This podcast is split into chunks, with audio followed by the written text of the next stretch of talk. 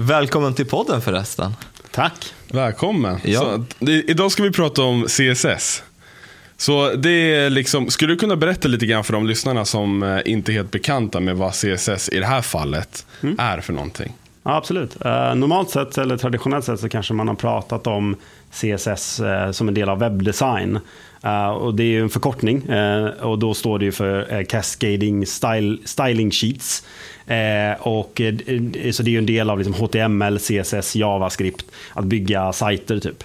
Eh, Men i digital marknadsföring och i de sammanhang som vi handlar om, eh, eh, jobbar mest med, med e-handel och så, då, då står CSS för Comparison Shopping Services, som man skulle kunna översätta till prisjämförelsetjänster, eller prisjämförelsesajt kanske, enk- enkelt sagt. Då. Um, så i, i vår värld så är CSS eh, sällan design och, och oftast eh, just kring prisjämförelser. Då. Intressant. Hur, eh, alltså, när blev den här termen populär för oss liksom e-handlare? När blev det aktuellt med sådana här typer av tjänster? Liksom? Ja, eh, man kan väl säga att eh, 2017 tror jag så ehm, blev Google bötfällda av EU. Ehm, många miljarder, jag minns inte beloppet men det var mycket pengar. För att de hade som en konkurrensofördel på Google Shopping. Eh, då, där de eh, egentligen blir bötfällda och riskerade att bli bötfällda en viss procent av sin årliga intäkt om de inte släppte in andra aktörer i Google Shopping. Och det var väl de, typ, tror jag själva, som myntade det här begreppet CSS som det här prisjämförelsesajten. Ehm, Sen eh, har det ju vuxit fram massor med prisjämförelsesajter eh, genom åren som inte har någonting med Google att göra. Som Prisjakt eller Price Runner eller sådär. Eh, som liksom är helt andra typer av, av CSS eller prisjämförelsesajter. Eh, men jag tror att det var väl runt 2017-2018 där någonstans som, eh, som det blev känt för all, allmänheten. Eh, just efter den här domen och att Google då var tvungen att släppa in andra aktörer. Så vad är, vad är största skillnaden om man kör liksom via Google jämfört med att man kontaktar någon som gör exempelvis Price Runner, prisjakt och så vidare? Ehm, Ja, om man, om man gör Google Shopping-annonsering så att man har sina produktannonser på Google och, och syns där med sin produktfeed och man har ett eh, så här Google Merchant Center-konto uppsatt där man jobbar med det. Då är default-versionen är ju att man då gör det genom Googles egna CSS som heter Google Shopping. Då. Ehm, och eh, om man skulle byta över till en tredjeparts eh, CSS-leverantör istället, eh, det finns en uppsjö olika alternativ att välja mellan, då brukar det innebära att man får billigare klick. För att Google tar en viss del av klickpriset, eh, lite gömt eller lite dolt, som eh, en betalning för själva CSS-tjänsten. Då. Okej. Ehm, det finns inga eh, riktiga officiella siffror eh, som Google säger att det är exakt eh, en viss procent, men man brukar prata om runt 20 procent. Eh, och det brukar vara det som vi också ser att om man byter över till en annan leverantör så är det oftast eh, så mycket pris, eh, alltså klickpriserna sjunker. Eh, någonstans mellan 15 och 25 procent.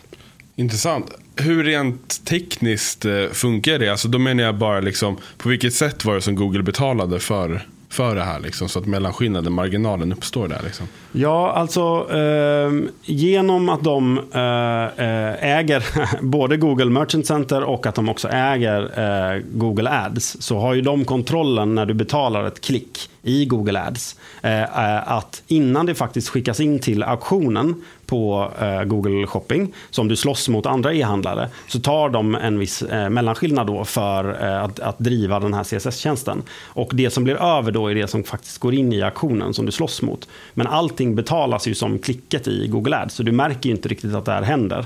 Eh, men, men det handlar egentligen om att det är Google själva då via sin eh, Google Shopping CSS-tjänst som eh, rent tekniskt skickar in eh, och visar annonsen på Google-sajten då, eh, alltså själva produktannonsen då.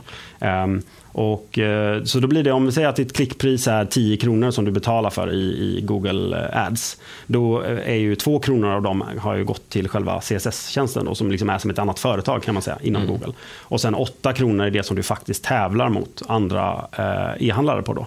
Så att i praktiken så är det 8 kronor som du slåss mot. Som en annan aktör som inte använder Googles CSS, om de går in med 10 kronor och de inte har den här mellanskillnaden, då har de ju mer eh, klickkraft helt enkelt. Då kommer de upp i positionerna eh, och de vinner fler, eh, fler aktioner. Och, då får man ju en konkurrensfördel genom att inte ha Google CSS. Eh, för att alla andra CSS, som jag känner till i alla fall, de tar en fast kostnad per månad för själva CSS, att, att, att man abonnerar på deras CSS. Så att om man spenderar kanske 5-10 000 i månaden eller mer på shoppingannonsering så brukar det löna sig då. Att det är där någonstans som brytgränsen går. Det gör de flesta e-handlare. Exakt. Ah, okej, okay, men intressant. Men vet du exakt vad det var eh, som hände där, liksom, när Google blev liksom, bötfällda eller på väg att bli, liksom, och att de var tvungna att göra det här? För jag tänker att det här är ju någonting som känns, för de måste ju ha det här på grund av konkurrensdelen. Mm. Ju. Men det känns ju samtidigt någonting som inte är jättepositivt för dem att det skyltas utåt. Liksom. Nej, precis. Eh, de ger ju bort pengar. Ja, det är ju det. det är verkligen. Och fler och fler eh, byter ju. Ja. Jag menar, gör man en sökning på Google nu, i princip vilken sökning som helst, så får man ju upp ett, ett, ett shoppingutbud där man ser, längst ner i annonsen så står det alltid av, av Google eller av Klarna eller av eh, vad det nu kan vara för, för liksom CSS som finns. Eh, och eh, där ser man ju färre och färre att det står av Google. Eh, så att eh, jättemånga har ju uppenbarligen gått över och då får ju inte Google längre den här mellanskillnaden. Ehm, men det som är tacksamt för Google är att de ofta ändå får pengarna för att de flesta eh, e-handlare väljer att inte dra ner sina bud utan buda hårdare istället. Så då blir det ju att de, egent, alltså de spenderar pengarna, men de spenderar alla pengarna in i Google Ads ändå. Men de tjänar mer pengar på det, de kommer upp i, i, i positioner, får mer intäkter tillbaka, en bättre lönsamhet och så vidare. Så e-handeln tjänar ju på det, men Google kanske inte riktigt heller tappar intäkter på det genom att göra den här förflyttningen. Så jag tror inte kanske att det är ett jättestort intäktstapp i praktiken. Eh, men absolut, de, de, eh, om man tänker rent tekniskt så är det ju att de ger bort pengar. Eh, men, men, men det, speciellt med Performance Max och liksom automatiska budstrategier och sådär så är det ju mycket svårare att rent manuellt också skruva ner alla bud eftersom att buden ofta sker automatiskt av Google.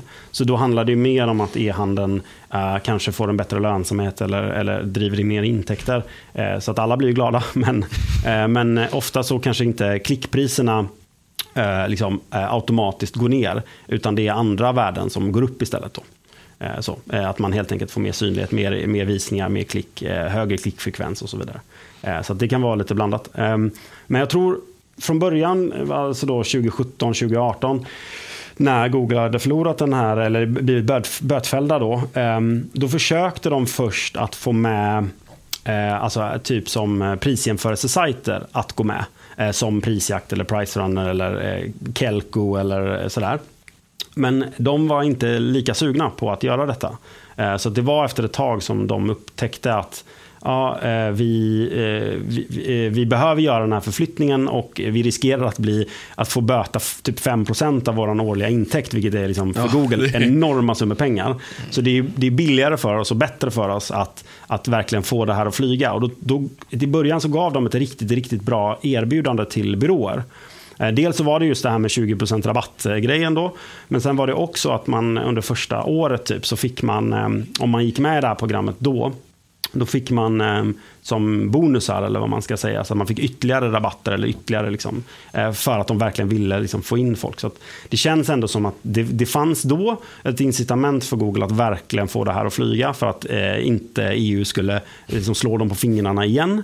Eh, och och eh, de, det är väl någonting de får leva med helt enkelt. Men ja, det verkar ju som att mycket av intäkterna kanske har flyttats från ett ställe till ett annat. Ändå. Ja, ja exakt. Jag gillar också ja. analysen du gjorde, att eh, nödvändigtvis så är det inte negativt för Google för att mindsetet bakom annonsören är att nu kan vi spendera extra mycket mm. i Google istället. Ja, men precis. Vi, vi brukar med våra, eh, liksom med våra kunder, eller det när vi jobbar, då brukar vi ofta inte prata så mycket om hur mycket man sparar i klickpriser, utan att man kan buda mer aggressivt mm. för samma pengar. Alltså det, är, det är mer i de termerna vi pratar. Men i praktiken så kan du ju spara pengar också. Du kan ju dra ner buden och, och, och lev, liksom ha samma aktioner. Eh, och gör du det, då är det runt 20 procent som man sparar. Men de flesta väljer att säga, nej men vi kanske ska öka våra intäkter istället då. Det är väl bra. Ja, exakt. så att, det är de, de, flesta väljer ju det. Um, så så, att, eh, så då, då, brukar vi ofta prata om att man då får mellan liksom, säg 15 25 procent mer kraft att, att buda för och, och synas för um, um, mot tidigare. Då.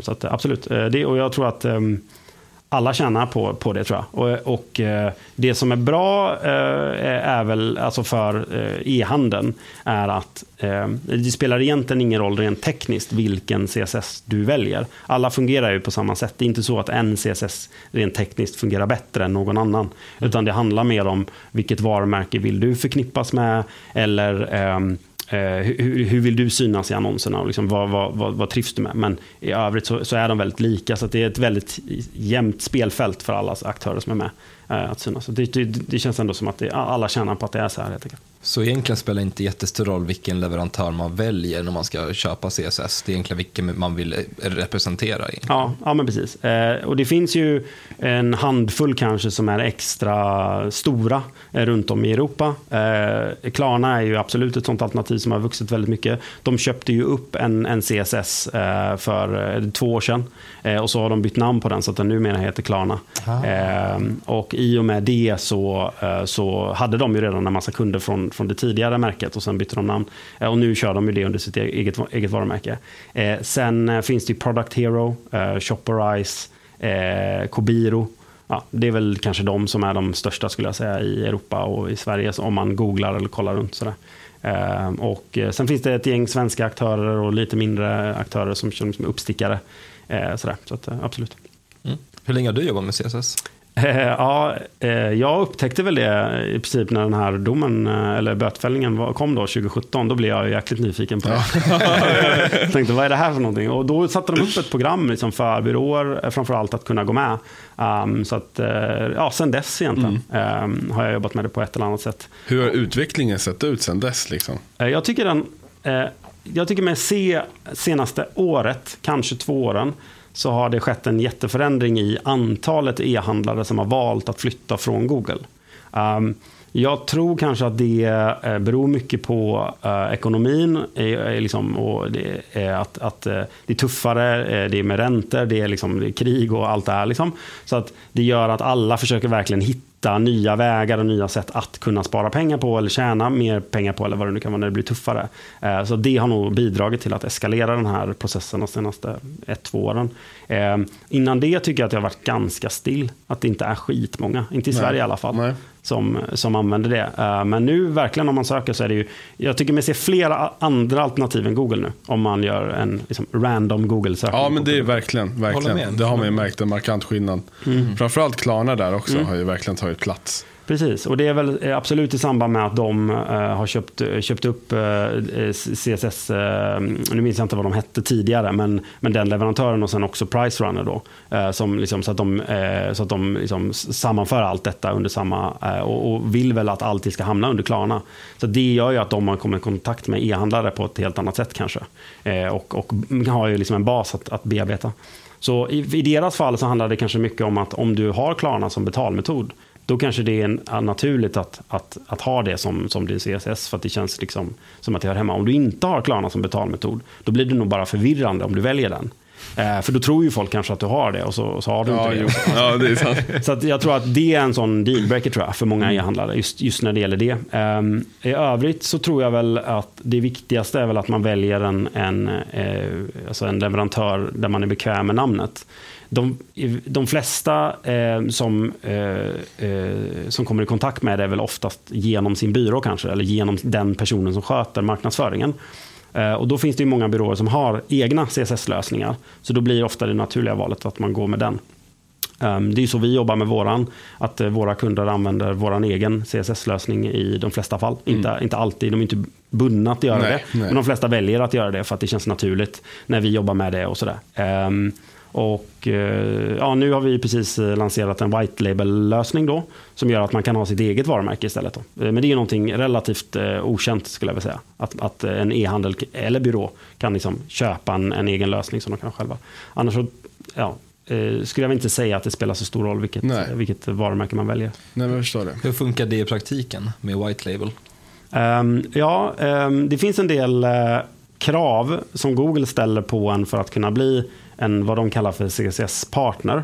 Eh, det finns tre olika nivåer av partnerskapet. Så om man tar den lägsta nivån som kallas för participant. Där krävs det att man har en, en prisjämförelsesajt, alltså en CSS. Då. Ehm, så det behöver vara en publik sajt eh, som ligger på en, en, egen domän, antingen en subdomän eller en egen domän. Och den sajten behöver eh, lista en massa olika eh, merchants, kallar de det, men det är väl egentligen butiker eller e-handelssajter. erbjudanden från en, en mängd olika. Ehm, och det, man behöver, för varje land som man vill kunna annonsera i så behöver man ha minst 50. Eh, så det blir ju snabbt ganska många. Eh, och, eh, och det gör att, dels är det för att de, Google inte vill att man ska ha en, en prisjämförelsesajt som är sjukt liksom, overklig eller oviktad. Man behöver ha tillräckligt många erbjudanden för att du faktiskt ska kunna göra en sökning och kunna jämföra. Mm. Annars faller ju hela ja. som syftet med en prisjämförelsesajt. Så det är första steget, att ha det på plats. Och det kräver ju rätt mycket såklart. Och är du en ensam e-handel, då har du ju inte 50 andra eller så som du kan jobba med. Ehm, så att där har vi satt upp ett system där vi helt enkelt då eh, har eh, tillräckligt många e-handel, eh, e-, e-handelssajter som vi samarbetar med. Där, eh, där, där, vi kan göra prisjämförelser som man som kund då, kan ta del av. Då. Så det är som ett litet nätverk då av sajter som, som, som har Eh, eh, ett antal eh, erbjudanden då som man kan visa. Så det är första steget för att man ska kunna bli en egen sån. Det andra steget är att man ansöker till Google helt enkelt. Att de kollar igenom sajten och kollar så allting ser bra ut. Och, och då sätter de upp ett vad som kallas för CSS Center-konto. Och sen därifrån kan man då eh, eh, koppla om från Google eller från någon annan leverantör till sin egen. Eh, så i praktiken är det, det vi hjälper till med just den här sajten då, och, och se till att den upprätthåller alla kraven som, som Google ställer. Right. Det är väl framförallt det som vi, ja, cool. vi tillhandahåller. Då. Hur, alltså, jag är lite nyfiken också gällande de här sajterna. För mm. att ju mer det kommer upp fler leverantörer också så kommer det upp fler och fler av de här sajterna. Mm. Och eh, lite som du sa där, så att det blir lite skumt ifall det är sju, sju stycken liksom, merchants på, ett, eh, på en liksom, sida. Men alltså, hur mycket används de här sidorna för prisjämförelse. Mm. Det, all, det, känns ju som det primära syftet egentligen är ju bara att få eh, CSS till liksom, Google Shopping. Typ. Ja, men precis. Men ser man någon, någon... Ja, alltså det finns ju vissa aktörer som um, försöker att promota just de här prisjämförelsesajterna som de själva driver eller tillhandahåller på ett uh, mer aggressivt sätt än andra. Eh, Kelco till exempel, som där du kan eh, betala eh, för att använda deras CSS precis som, som vilken annan leverantör som helst och köra det genom din egen annonsering. Så har ju de också, det är ju verkligen en prisjämförelsesajt som också listar sjukt mycket erbjudanden. Så där har ju de lite av båda delar. Eh, Medan andra eh, bygger sajterna enbart för Google Shopping i princip. Så att de eh, är ganska fattiga på innehåll eh, och de är inte jättekul att surfa runt på. Nej. Men de rent tekniskt så upprätthåller de kraven. Så det, jag skulle säga att det finns, eh, finns eh, lite, lite, allt möjligt som man ser. Om man går in på en annons och sen så står det ju av Google eller av Klarna eller vad det nu kan vara. Om man klickar på den länken som är längst ner där det står av, eh, då kommer man in till själva CSS-sajten och den produkten. Så då kan man ju se hur den ser ut och hur den upplevs. Och där har man ju sett väldigt spridda skurar av kvalitet om man säger. Eh, så att, eh, ja, men precis. Och det finns också en annan del av, av hela den här spektrat som är relativt eh, okänt tror jag bland gemene man. Men det är ju att man kan en e-handel kan ha flera olika CSS samtidigt som skickar in eh, eh samma, alltså till samma aktion så kan flera olika merchant-konton skicka in eh, eh för, eh, till aktionen för att synas med shoppingannonser. Vilket gör att du som e-handel kan ha ditt eget Google Merchant-konto med din egen feed och ditt eget Google Ads-konto som du har som default om man säger. Men sen kan du ha en massa andra samarbetspartners som också prenumererar på feeden och också skickar in det samtidigt. Så då kan det vara, beroende på vilken annons du klickar på så kan det hända att du antingen kommer in till en CSS-sida eh, om det är någon partner eller till din egen sida. Då. Så, att, eh, så det, där kan man liksom, eh, samma e-handel kan eh, komma från flera, flera håll samtidigt. Och det är jäkligt intressant att kunna vidareutveckla den strategin när man jobbar med tre konton eller fyra eller fem olika konton. För då kan man ha väldigt olika strategier per konto hur man vill eh, buda och liksom vilka nivåer man vill lägga upp det på. Och sådär. Eh, och det tror jag inte skitmånga gör. Eh, utan de flesta har ett, sitt eget konto och sen är det inte så mycket mer än så. Men är det då, menar du då att man har flera olika leverantörer eller har man flera konton hos samma leverantör? Då, liksom? eh, nej, det blir flera olika leverantörer. Då. Mm. Um, så att det, det, finns en del verktyg. Uh, jag tror AdTraction är ett sånt verktyg där Eh, där du kan liksom prenumerera på deras tjänst och sen har de i sin tur en massa partners. Så då blir det att, att olika partners kan eh, Eh, ansluta sig och eh, då köra liksom din annonsering. Fast att de, de betalar för klicken, det är deras Google-konton och de, de står för det. Liksom.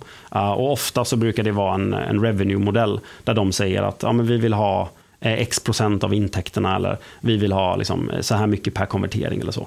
Och då tar de ju risken. Om det nu inte blir några konverteringar så är det de som står för klickkostnader. Och så. Det, det är väl oftast den modellen.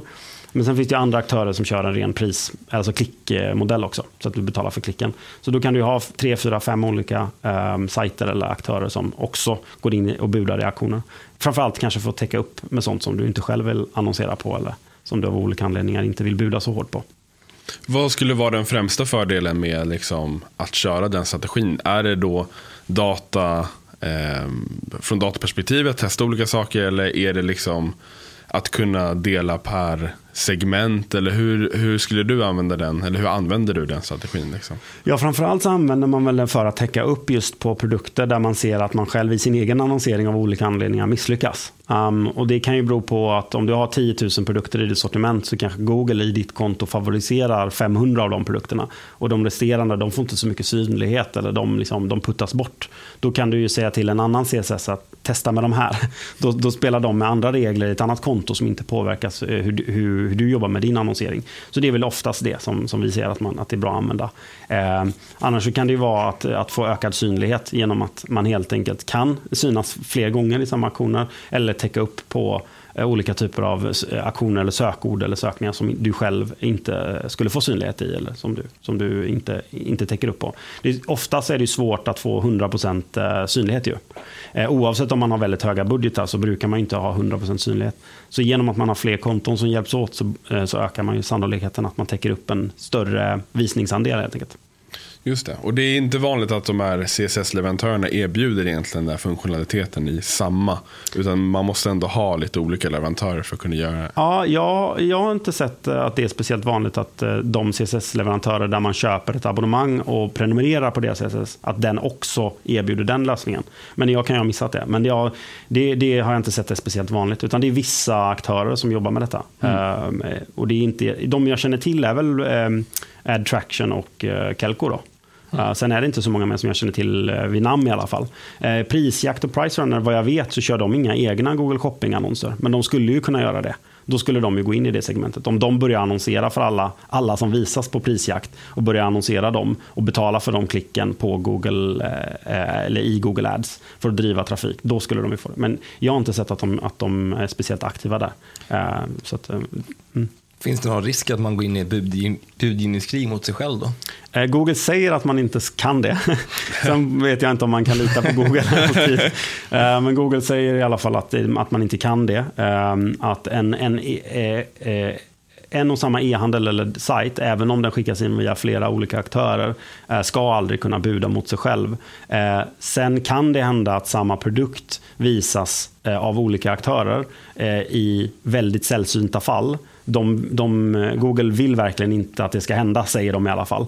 Så att eh, ofta så ska det bara vara e-, en aktör som, som går in. Sen är det ju alltid den som budar högst som är den som liksom kommer högst upp. Och den betalar ju, enligt Google i alla fall, det som tvåan har budat. Så att det är liksom alltid, alltid eh, lite mer än vad tvåan har budat. Så att även om du går in med bud för 10 kronor men tvåan har sagt 6 kronor, då kommer du inte betala 10 kronor. Utan då kommer du betala lite mer än, än 6 kronor. Uh, så det är ju alltid, uh, så, som, av, av, den anledningen så ska det ju inte fungera på det sättet. Men ja, Google uh, gör inte alltid som Google säger.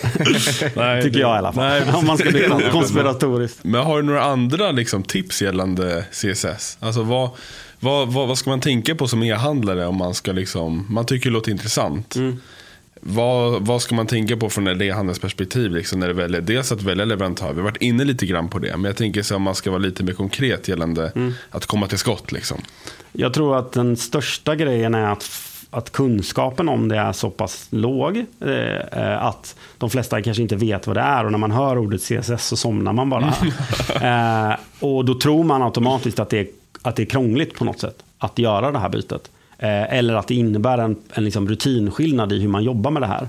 Ehm, så jag tycker det, det, är väl viktigt att informera i alla fall eh, liksom, om att det eh, rent praktiskt sett för den som jobbar i, i Google Merchant-kontot eller i Google Ads-kontot inte innebär någon, någon förändring. Utan i princip så är det ett knapptryck som behövs Eh, för att byta. Så att eh, den CSS-leverantören som man väljer, de kommer skicka en förfrågan som kommer att dyka upp i, i ens eh, Google Merchant-konto och så klickar man bara godkänn på den. Och det, sen är det klart. Sen, sen, är det egentligen ingenting mer man behöver tänka på som, som kund.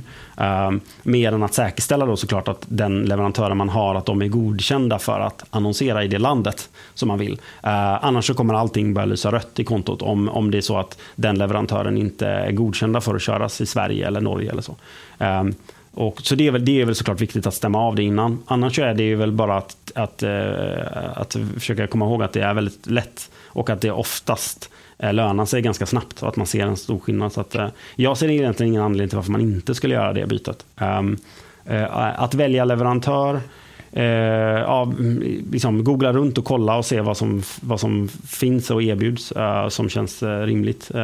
prata med din byrå eller med din, den personen som sköter annonseringen. Förmodligen har de kanske något samarbete, så de kanske till och med får lite bättre priser eller, eller sådär.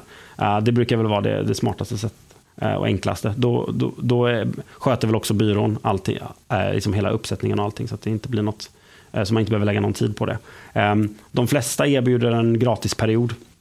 Så kan man utvärdera. Då kan man byta om man inte är nöjd eller om man inte tycker det ser bra ut. Eller sådär. Så att, ehm, ja, det är rätt enkelt att, att sätta upp. Det är väl det, egentligen, det som jag tror de flesta Eh, har missuppfattat kanske.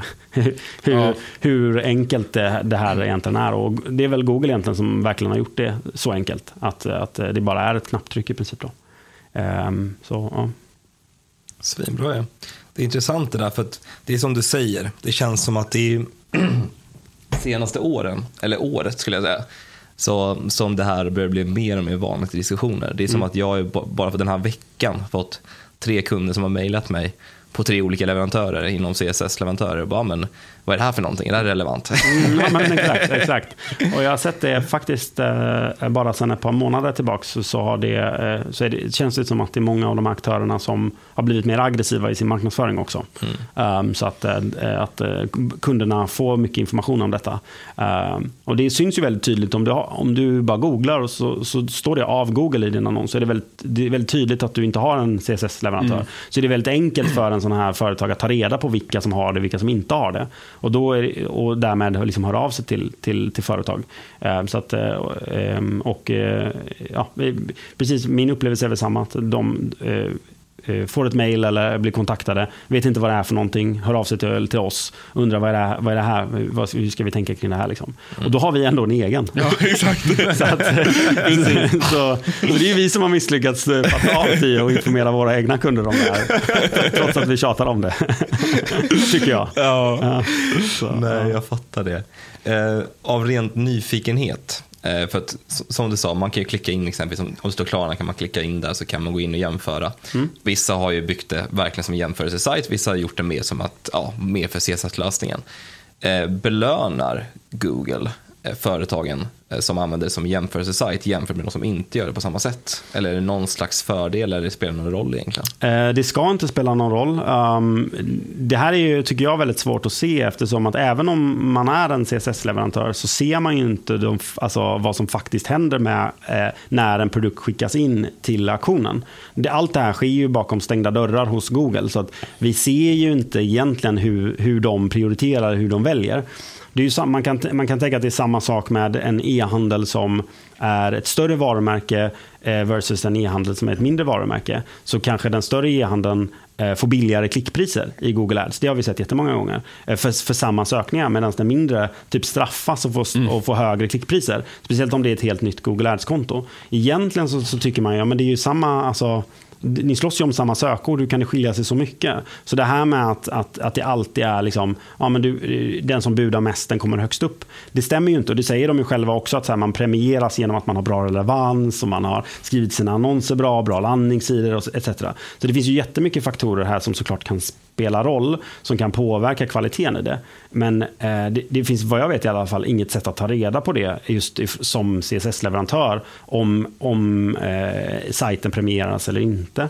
Eh, sen brukar det finnas någon typ av eh, korrelation mellan eh, organiska sökningar och liksom att man har bra ranking och en stark sajt och betald trafik. Men eftersom att om du använder ehm, eh, liksom Klarna CSS till exempel och ehm, eh, kör den för din egen e-handel, då, eh, då är det ju egentligen inte, alltså Klarnas synlighet har ju egentligen ingenting med din annonsering att göra. Så, att det, eh, så det, där ska det inte påverka hur, mycket, hur stor deras sajt är eller hur mycket trafik de har. Um, så att jag, tr jag, tror inte att det, att, att det påverkar. Um, men det är svårt att säga. Uh, i praktiken. Då. Um, men eftersom att allting ska bara vara vem som faktiskt ansvarar rent tekniskt för att skicka in produkten till auktionen. Då. Det är väl egentligen det enda som är skillnaden. Ehm, så, så ska det vara lika villkor i övrigt. Då. Ehm, det är så Google själva skriver om på sin sajt. Då. men, Nej, jag, jag, fattar vad du menar med det här med det vad Google ja. säger. Ja, exakt, exakt.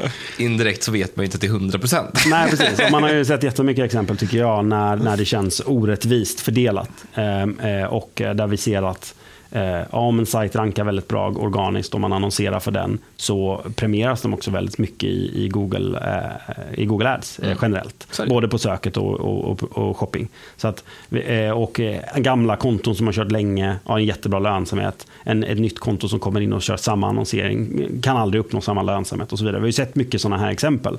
Så att jag, ja, jag ska inte säga att, eh, att, det, att det inte är samma sak även här då.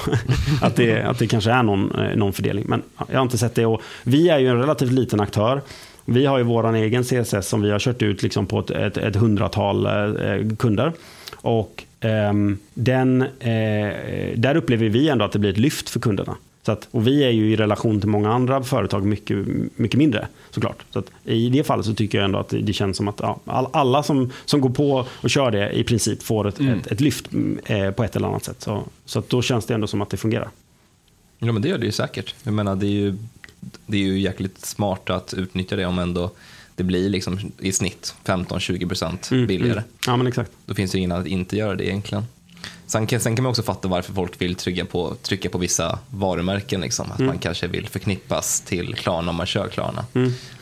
Är det någonting som ni liksom brukar ha diskussion med med era kunder eller hur det funkar där? Vi brukar väl eh, lista ett gäng olika alternativ att, att, att köra med och lista vad det kostar eh, att, att ha de olika alternativen och, mm. Eh, och hur de ser ut rent visuellt i annonseringen så att kunden själv kan, kan fatta ett beslut. Då. Um, och som sagt, det brukar landa i att de tycker så här, men vi jobbar med er och, och det är ni som är vår byrå. Det, det känns naturligt att, det, att vi att om, om det är något varumärke som visar sig, det är, eh, är, det, är det vårt varumärke som visas, för vi har ändå en, en bra relation. Det brukar landa i, i det. Um, men uh, uh, annars så, så lämnar vi det egentligen öppet. Sådär. Och priserna, helt ärligt, de är ganska jämna på aktörerna. Jag tror att de billigaste ligger runt 200-300 kronor i månaden och de dyraste ligger runt 600 kronor i månaden. Så det är inga jättepengar heller. Eh, så att eh, det, det, är väldigt sällan det är en prisfråga. Hur ser eh, utvecklingen ut här? Alltså har man några, spanar man lite liksom framtiden tänker jag just med CSS och utveckling och sånt. Vad, vad tror du om du bara ska liksom skjuta från höften? Eller om du kanske har lite tankar? Uh, ja, men dels så tror jag ju mycket på den här white label, uh, alltså att det kommer att bli mer populärt. Att uh, företag inte längre vill förknippas. Och, för det är egentligen helt sjukt att man i sin egen annons behöver släppa in ett annat varumärke. Mm. Oavsett vilket varumärke det är så är det ju, så är det ju helt knäppt. Du betalar för att synas här på en plattform och så ska du dessutom ha med ett annat varumärke i det. Det är, det är ju rätt, det är rätt konstigt att alla bara, ja ah, men det är, det är så det funkar, ja. vi accepterar det. uh, så att, att, att företag och framförallt kanske större e-handlare, koncerner, e-handlare som, som har flera länder eller flera marknader. Uh, där tror jag att man i större utsträckning kommer vilja uh, ta bort andra varumärken och ha sitt eget varumärke där. så det tror jag definitivt är någonting som kommer att växa mycket. oftare, eller ofta så tror jag också, om du har tre, fyra, fem marknader kanske. Så att du kör i Norden eller, eller runt om i Europa. Då blir det också ganska snabbt dyrt om du, om du för varje liksom feed eller varje land eller varje merchantkonto ska betala 300-400 kronor. Eh, då blir det helt plötsligt, om du ackumulerar allt det här så blir det ganska mycket pengar. Så då kan en, en att prenumerera på en white label-tjänst kan då kanske till och med bli billigare. Och då kan det faktiskt handla om lite pengar. Eh, så det, så det tror jag absolut. Ehm, jag hoppas på att byråer blir ännu bättre på att prata med sina kunder om, om det här och informera kunder om att det är bra. Eh, sen är ju Google eh, ändå lite oberäkneliga. Så att, eh, det finns ju såklart en, en potentiell risk i att de någon gång i framtiden ändrar om hur det här systemet fungerar.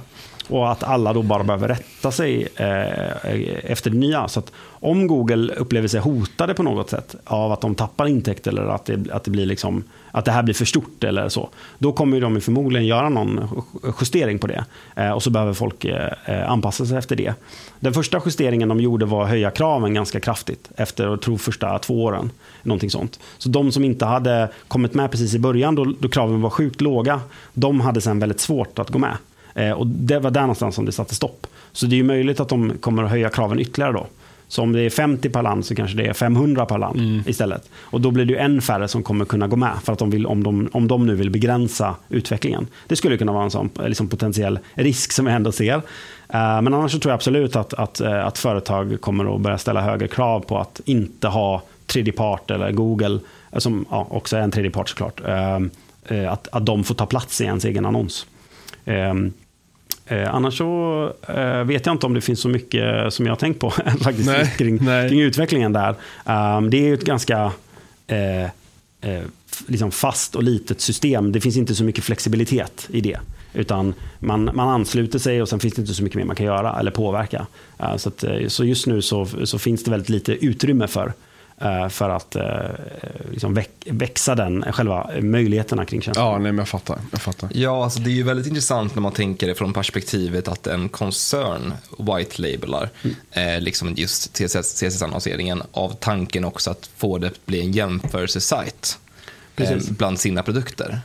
Den tanken är ju sjukt intressant. Mm. Det låter ju som att absolut att det är framtiden. Om man tänker exempelvis, eh, bara för att ta en random koncern bestseller, mm. där de har en massa olika varumärken. Att få folk att gå in på deras sajt och jämföra mellan kläder mm. när de klickar, det är bara en stor jäkla bonus. Ja, men precis. Absolut. Och, så att hela, hela den, och, och kanske då att lyfta fram den här prisjämförelsesajten snarare än att gömma den i källaren. Mm. Eh, så att det bara är ett verktyg för Google. Om vi lyfter fram den och, och har bra funktioner och en bra användarupplevelse så, så kan det det också såklart generera organisk trafik eh, till de här sajterna som, som, genererar, eh, som genererar försäljning. Så det finns ju en jättemöjlighet i att ha en, en extra sajt som kan driva försäljning, inte bara från shoppingannonseringen. Mm. Eh, så att, absolut. Mm. Vi, vi pratade lite om typ prisjakt och sånt innan. Ja. Och eh, Vad skulle det liksom innebära och varför tror du att de inte är mer, alltså med sin CSS in i Google Shopping? Liksom? De lever ju idag på att driva trafik från, alltså de har ju så mycket trafik som kommer till, de har ju gjort ett jättevarumärkesarbete om man säger. Så de lever ju på att, att driva trafik från sin sajt till, uh, till sina e-handlare. Om de skulle förflytta det till Google Shopping så kanske de, då tappar de trafik kanske till sin egen sajt. Och det kanske skulle kunna alltså, minska värdet för, för deras egen existens. Mm, ja. Eventuellt, då tänker jag. Att, eh, att om, om, om de annonserar åt sina leverantörer, även om de skulle ta betalt för det, så skulle det ändå göra att, att eh, användaren mer eller mindre direkt skulle hamna hos kunden.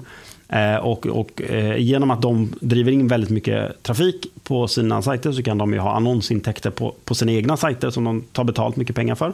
Och sen eh, också då driva de här klickpriserna. Och jag har ju svårt att se att en kund kommer vilja betala för ett klick två gånger. Först från Google till dem och sen igen från dem till, till sajten. Så att av den anledningen så, kanske, så, så, så, så är de nog restriktiva till det.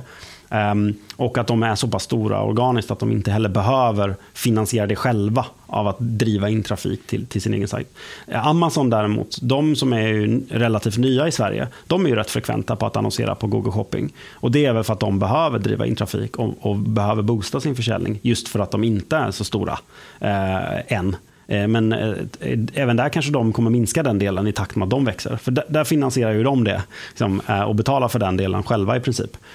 Så, att, så det är väl en, en, en tydlig skillnad tror jag. Mm, både pris, prisjakt och pricerunner är ju ehm, fortfarande liksom stora aktörer. Och som brukar, i de flesta e-handlares konton så brukar det vara topp 10 i alla fall eh, försäljningskanaler eh, för de som, som använder det och är aktiva och betalar för det. Eh, så, så har vi väl sett eh, i, i de flesta fall att det är en, eh, topp 10 kanaler någonstans där i alla fall. Då. Så att, eh, och det ser man ju sällan kanske en annan en sån här CSS. De ligger ju sällan i topp 10. Mm. Eh, så det är ju en, en helt annan volym som de driver in. Då. Tror du att det skulle ha någon påverkan på marknaden i sig, liksom, ifall typ prisjakt valde att gå med? Alltså, jag tänker bara på budgivningen och liksom den delen. Om de skulle vara väldigt konkurrenskraftiga. Liksom. Sen, jag hör ju vad du säger, jag håller med. Det doesn't make any sense för dem att göra det. Men bara om man leker med tanken. Ja, absolut. Det tror jag. Det är ju ett jättekänt varumärke. Eh, att se en sån i annonsen eh, är ju, eh, talar för någonting bra kanske. Om, man lyft, om de lyfter fram aktörer som kanske... Du, du kan ju ha, på din e-handel så kan du ju ha på din produktsida kan du ha som ett litet skript som säger så här, vi bill, den här produkten är billigast på prisjakt. Eh, som ni kanske har sett. Eh, och de, man skulle kunna, eller de skulle kunna tillämpa samma modell fast på Google. Att så här, visa de produkterna som är billigast på prisjakt och få ut dem. Då kommer de vara jättekonkurrenskraftiga i, i pris mot, mot andra eh, leverantörer eller andra ställen där den här produkten säljs. Så det är absolut, uh, så kan det vara liksom en bra grej. Ger bort Ja. tips till prisjakten. Kör bara. Om någon lyssnar här. Ja, exakt. Kör, kör. Vi kanske får bjuda med på podden. Eller hur? ja. Ja, exakt. Ja, Nej, men, men, eh, ja. ja, för att, nämnde du eller missförstod jag dig att Price Runner har ett samarbete med Klarna när det kommer till det här? Mm. Ja, nu kanske jag eh, miss, eh, missäger mig här, men jag har väl för mig att, att, det, är att, eh, att Klarna köpte väl upp Price Runner för eh, ett par år sedan, om jag inte minns helt fel. Så att, det, så att eh, Klarnas egna eh, pri- prisjämförelsesajt eh, liksom, är egentligen från grunden Klar, eh, Price Runners. Eh, Ja, ja, ja. Så att, de har ju byggt sin egen lösning och jag tror att de håller på att gå från Price Runner över till att, att allting hamnar under Klarnas namn. Eh, eh, ja, jag för mig det i alla fall. Jag kanske säger fel. Vi får Ja, väl, ja, vi får väl se. eh, rätta det sen. bara, nej, nej, nej, nej, vi har ingenting med varandra att göra. Säger de. Men jag har för mig det. Att, att, eh, att Price Runner, eh, att Klarna köpte upp det. Både den här CSS-delen, eh, men också, också då själva prisjämförelsesidan för för Price Runner. För att, för att de vill växa i det. Klarna vill växa väldigt mycket i det segmentet. Då. För det är ju verkligen som vi har snackat om lite grann, att det känns som e-handlare i sig inte har så bra koll på det här. Mm. Alltså det är ju en ganska viktig del. Google Shopping står ju för Alltså så en stor del av e-handelsförsäljning. Liksom. Mm. Ja, ja, visst. och eh, alltså kunna få i alla fall någon form av eh, liksom, procentsats på liksom, klickpriset är ju guld värt. Oavsett om det är 5 eller 20 procent. Liksom. Vad det än är. Mm. Ja, alltså. Eh, jag tycker väl uh, uh, mig se att i de flesta av kunder som vi jobbar med i alla fall så brukar man se att Google-annonseringen brukar ju vara uh, eh, topp tre kanaler i alla fall. Eh, inte alltid störst, men i alla fall i topp tre. Eh, så det brukar ju vara organisk trafik, direkttrafik och, och Google-annonseringen. Och, och när det är en e-handel, så i Google-annonseringen så brukar ju 80% av de intäkterna komma från just shoppingannonsering. Så det är ju en enormt viktig kanal för de flesta e-handlare att, att, eh, att ha så bra som möjligt. Uh, och Det är ju två saker som jag tycker sticker ut väldigt mycket med, uh, med i, i, eh, liksom kunsk att, att kunskapsnivån är så pass låg. Den ena är ju CSS då, som vi pratat om mycket och den andra är produktfeed. Eh, Så de två eh, b- brukar vara så här, det, det är lågt hängande frukt att kunna bara förbättra. Eh, Så att, att, att, att byta och, och jobba med CSS är en relativt enkel grej för att i alla fall bara bocka av den. Ja. Sen, sen, så att man har liksom så bra förutsättningar som möjligt för att kunna, för att kunna få så bra annonsering som möjligt. Så, att, så jag tycker definitivt att det är någonting som, ehm, som förvånar mig lite. Att, att, det, att, det, att det har, har dröjt så pass mycket innan det, innan det kanske har blivit populärt. Men som sagt, det senaste året har det hänt någon typ av explosion. Så att eh, många har ju upptäckt det. Så att, eh, det är bara kul. Och kul att se. ja, Bara verkligen. verkligen. Ja men exakt, man märker ju liksom mycket på grund av vad som händer så har ju både leverantörernas beteende ändrats men också att folk har börjat märka de här små sakerna och det är ju säkert mycket på grund av lågkonjunkturen och vad som hänt. Jag har ju börjat märka väldigt utåt att det finns alltså CSS-leverantörer som endast jobbar med CSS-lösningen. Att de gör inget annat och det har inte jag sett innan på samma sätt. Nej, precis. Och det är ju en jäkligt intressant tanke. Ja, men exakt. Ja, det har blivit mer populärt. Ehm, och eh, nu även en del svenska aktörer som, som har kommit upp då, som bara gör det. Ehm, En, en anledning till att det kanske har bromsats en del är väl just för att Googles krav har varit så pass höga de senaste åren att de flesta lite mindre byråer inte har kunnat uh, gå med eller inte har kunnat liksom, klara av det. För de har inte tillräckligt mycket e-handelskunder som de kan samla in uh, i, i, en sån här jämförelsesajt för att upp, uppnå volymerna. Mm. Uh, och då har de bara kanske inte pratat så mycket om det med sina kunder. För att det inte finns ett incitament för dem själva att tjäna pengar. Eller liksom så. Eh, medans eh, eh, nu har ju de här aktörerna blivit mer aggressiva i sin marknadsföring att höra av sig direkt till e-handlarna. Och då blir det ju tryck från e-handeln tillbaks till byrån. Eh, och då är det alltid så här, ja det är klart att vi ska köra på det. För, för de flesta byråer eh, tycker ju inte att det är en dålig idé. så, så att, eh, det är bara kanske att det inte har prioriterats. Så det är, väl, det är väl säkerligen en anledning till att det inte har, att det inte har vuxit mer. Men Eh, vi tycker det är superintressant såklart att, eh, att eh, det kommer in fler aktörer som bara jobbar med detta. Eh, och att det är jättebra bara att de, att de hör av sig till alla kunder direkt. För då, då eh, får vi upp eh, kännedomen kring det och att fler och fler liksom hoppar på spåret.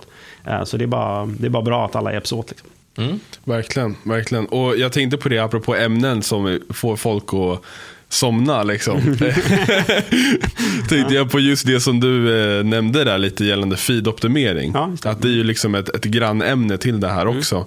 Och att där är ju många, alltså när man har pratat liksom om just feed-optimering.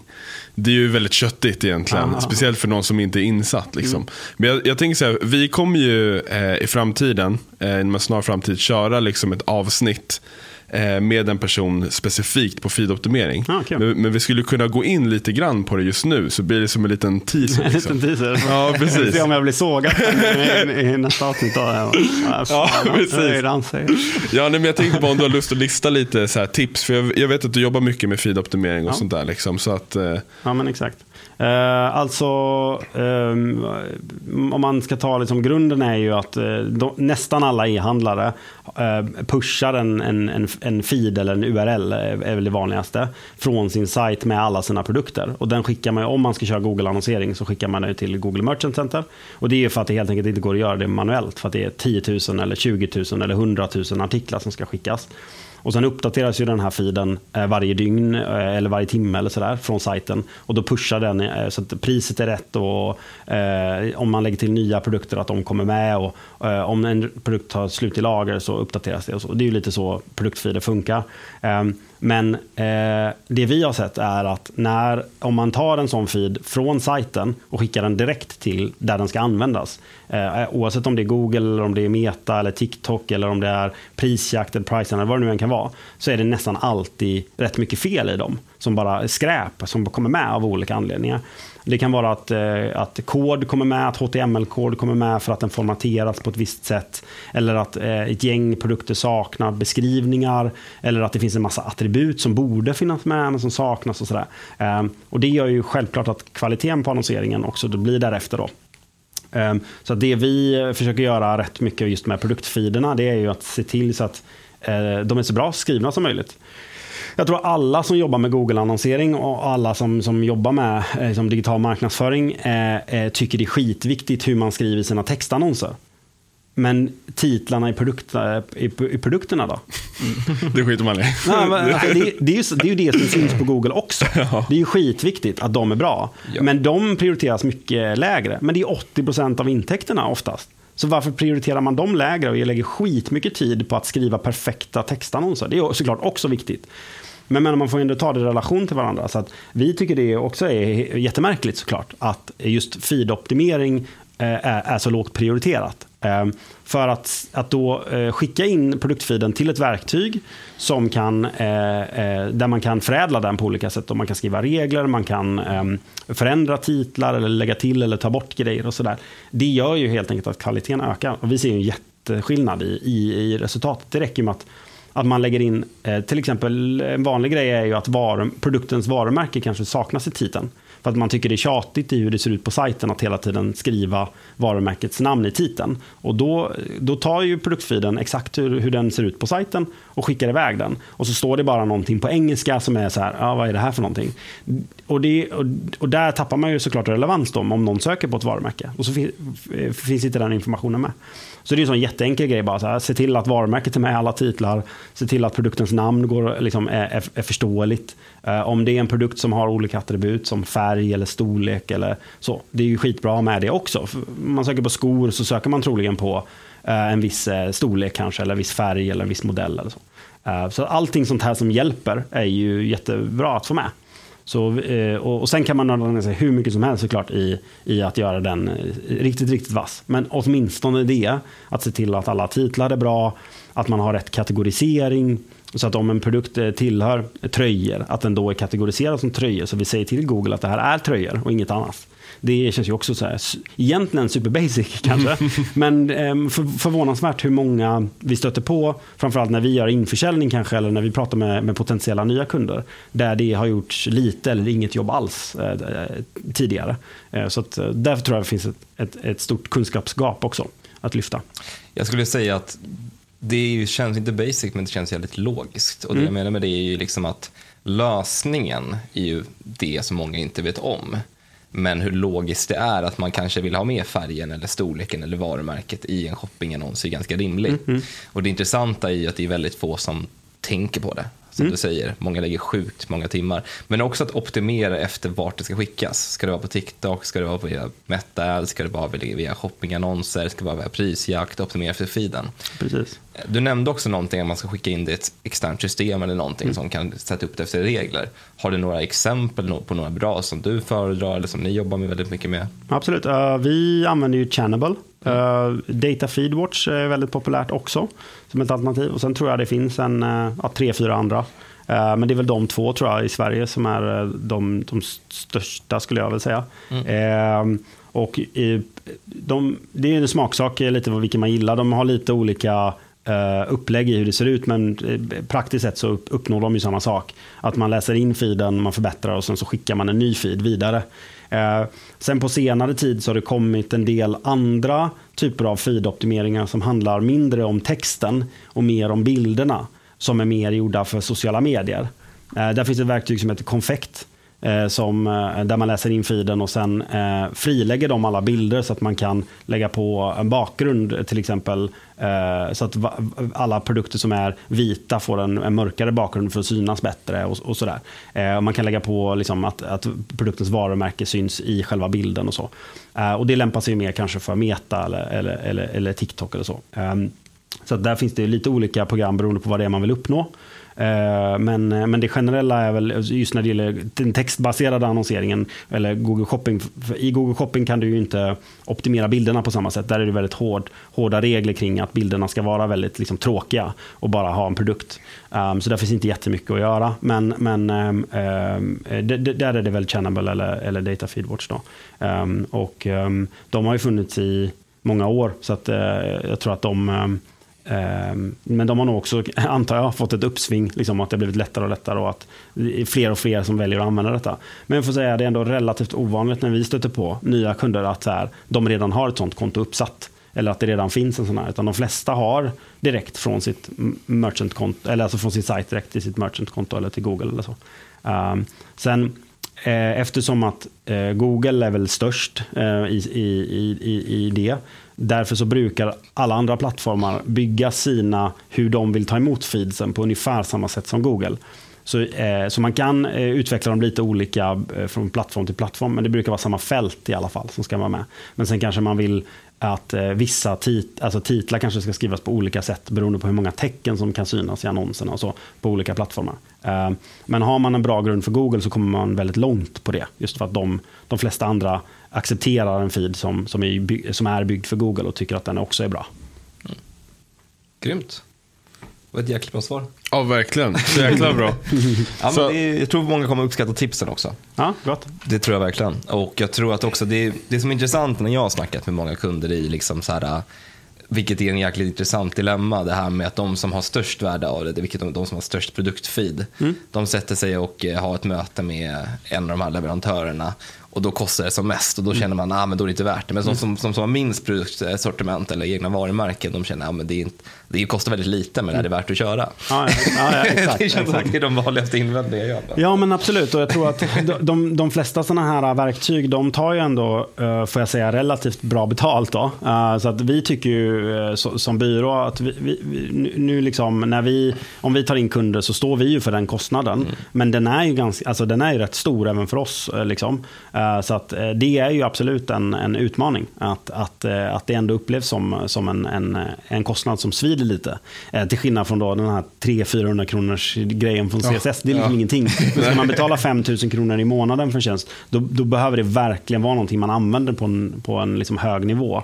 Så, att, så det är absolut någonting. Så att, om det kommer någon, någon budgetvariant så är vi, är vi tacksamma. Ja, om det kommer någon lågpris, liksom, så här, någon Lidl av, av eh, produktfeeder, det hade varit skitbra. Det vore jävligt trevligt. ja, en utmanare, det jättekul. Ja, precis.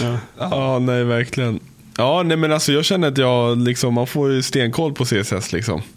Verkligen. Och eh, är det någonting mer du vill ta upp relaterat till ämnet liksom? Innan vi börjar liksom runda av lite.